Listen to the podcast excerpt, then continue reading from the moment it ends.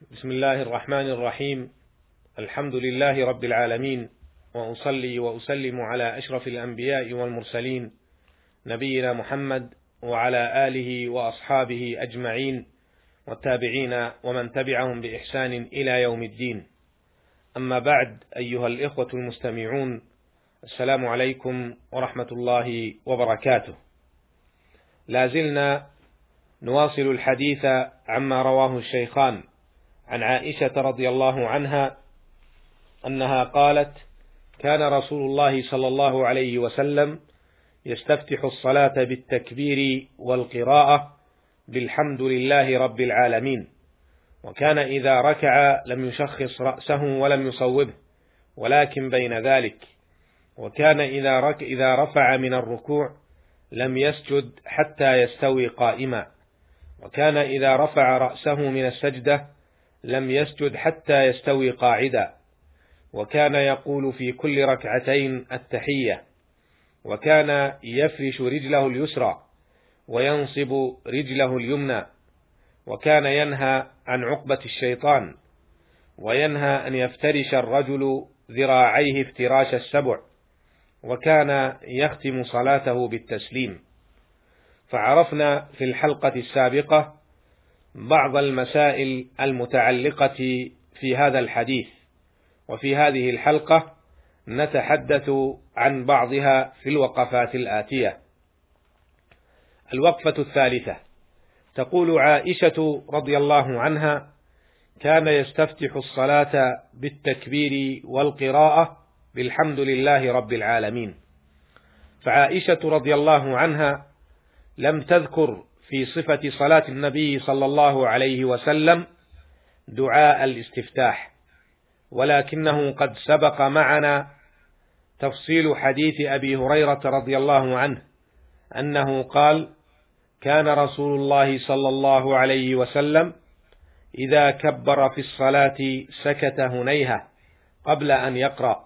فقلت يا رسول الله بأبي أنت وأمي أرأيت سكوتك بين التكبير والقراءة ما تقول؟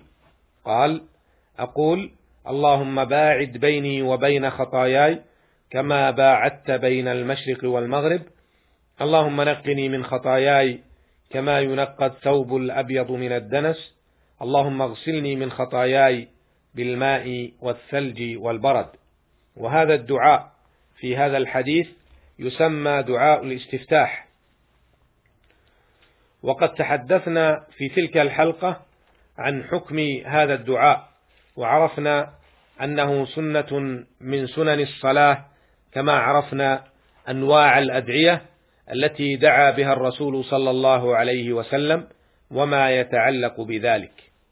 الوقفة الرابعة قولها رضي الله عنها يستفتح الصلاة بالتكبير والقراءة بالحمد لله رب العالمين. الحمد هنا مرفوع على الحكاية. ولم تذكر عائشة رضي الله عنها أنه يتعوذ بالله من الشيطان الرجيم ثم يقرأ بسم الله الرحمن الرحيم. وكان هذا من هديه صلى الله عليه وسلم أي أنه يتعوذ بالله من الشيطان الرجيم ثم يقرأ بسم الله الرحمن الرحيم. يقول ابن القيم رحمه الله تعالى وكان يقول بعد ذلك أي بعد دعاء الاستفتاح أعوذ بالله من الشيطان الرجيم ثم يقرأ الفاتحة وكان يجهر ببسم الله الرحمن الرحيم تارة ويخفيها أكثر مما يجهر بها ولا ريب أنه لم يكن يجهر بها دائما أي في الصلاة الجهرية. في كل يوم وليلة خمس مرات أبدا حضرا وسفرا. ويخفى ذلك على خلفائه الراشدين وعلى جمهور أصحابه وأهل بلده في الأعصار الفاضلة. هذا من أمحل المحال حتى يحتاج إلى التشبث به فيه بألفاظ مجملة وأحاديث واهية.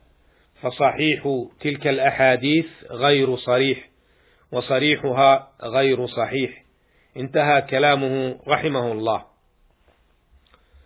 ومما ينبغي أن يعلم أن دعاء الاستفتاح والتعوذ والبسملة سرا في كل صلاة. أن دعاء الاستفتاح والتعوذ والبسملة يقولها المصلي سرا في كل صلاة سرية كانت أو جهرية؟ وحكم هذه الثلاثة سنة من سنن الصلاة وتسقط بفوات محلها ومما يدل على سريتها حديث عائشة هذا فلم تذكرها في صفة صلاة رسول الله صلى الله عليه وسلم. وكذا ما روي أن النبي صلى الله عليه وسلم وأبا بكر وعمر يفتتحون الصلاة بالحمد لله رب العالمين أي الذي يسمع منهم. الوقفة الخامسة. يدل قول عائشة رضي الله عنها يستفتح الصلاة بالتكبير والقراءة بالحمد لله رب العالمين يعني أنه بعد التكبير والاستفتاح والتعوذ والبسملة يقرأ الفاتحة. وقراءة الفاتحة ركن من أركان الصلاة. لما روى الشيخان لا صلاة لمن لم يقرأ بفاتحة الكتاب. ولمسلم رحمه الله من صلى صلاة لم يقرأ فيها بفاتحة الكتاب فهي خداج. وقد قال صلى الله عليه وسلم في الحديث المتفق عليه صلوا كما رأيتموني أصلي. فيقرأها المصلي في كل ركعة من ركعات الصلاة وهي أفضل سورة في كتاب الله تعالى لما روى البخاري وغيره أن النبي صلى الله عليه وسلم قال أعظم سورة في القرآن الحمد لله رب العالمين وهي السبع المثاني والقرآن العظيم الذي أوتيته كما أن آية الكرسي أعظم آية في كتاب الله عز وجل. وسميت فاتحة لأنه يفتتح بقراءتها الصلاة وبكتابتها في المصاحف.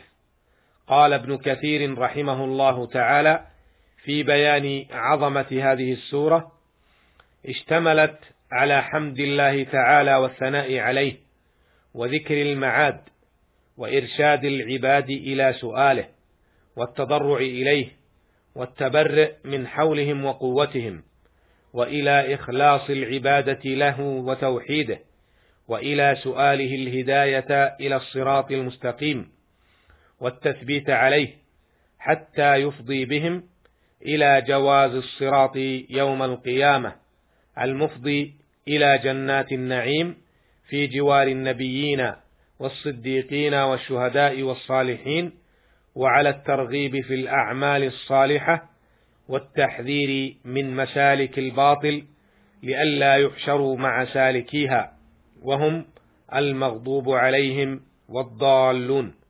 انتهى كلامه رحمه الله. وبعد قراءة الفاتحة يقول المصلي آمين. قال العلامة ابن القيم رحمه الله وكانت قراءته مدا يقف عند كل آية ويمد بها صوته فإذا فرغ من قراءة الفاتحة قال آمين فإن كان يجهر بالقراءة رفع بها صوته وقالها من خلفه. انتهى كلامه رحمه الله. وهنا أيضا لم تبين عائشة رضي الله عنها ماذا يقرأ بعدها. قال العلامة ابن القيم رحمه الله فإذا فرغ من الفاتحة أخذ في سورة غيرها وكان يطيلها تارة ويخففها لعارض من سفر أو غيره ويتوسط فيها غالبا. انتهى كلامه رحمه الله.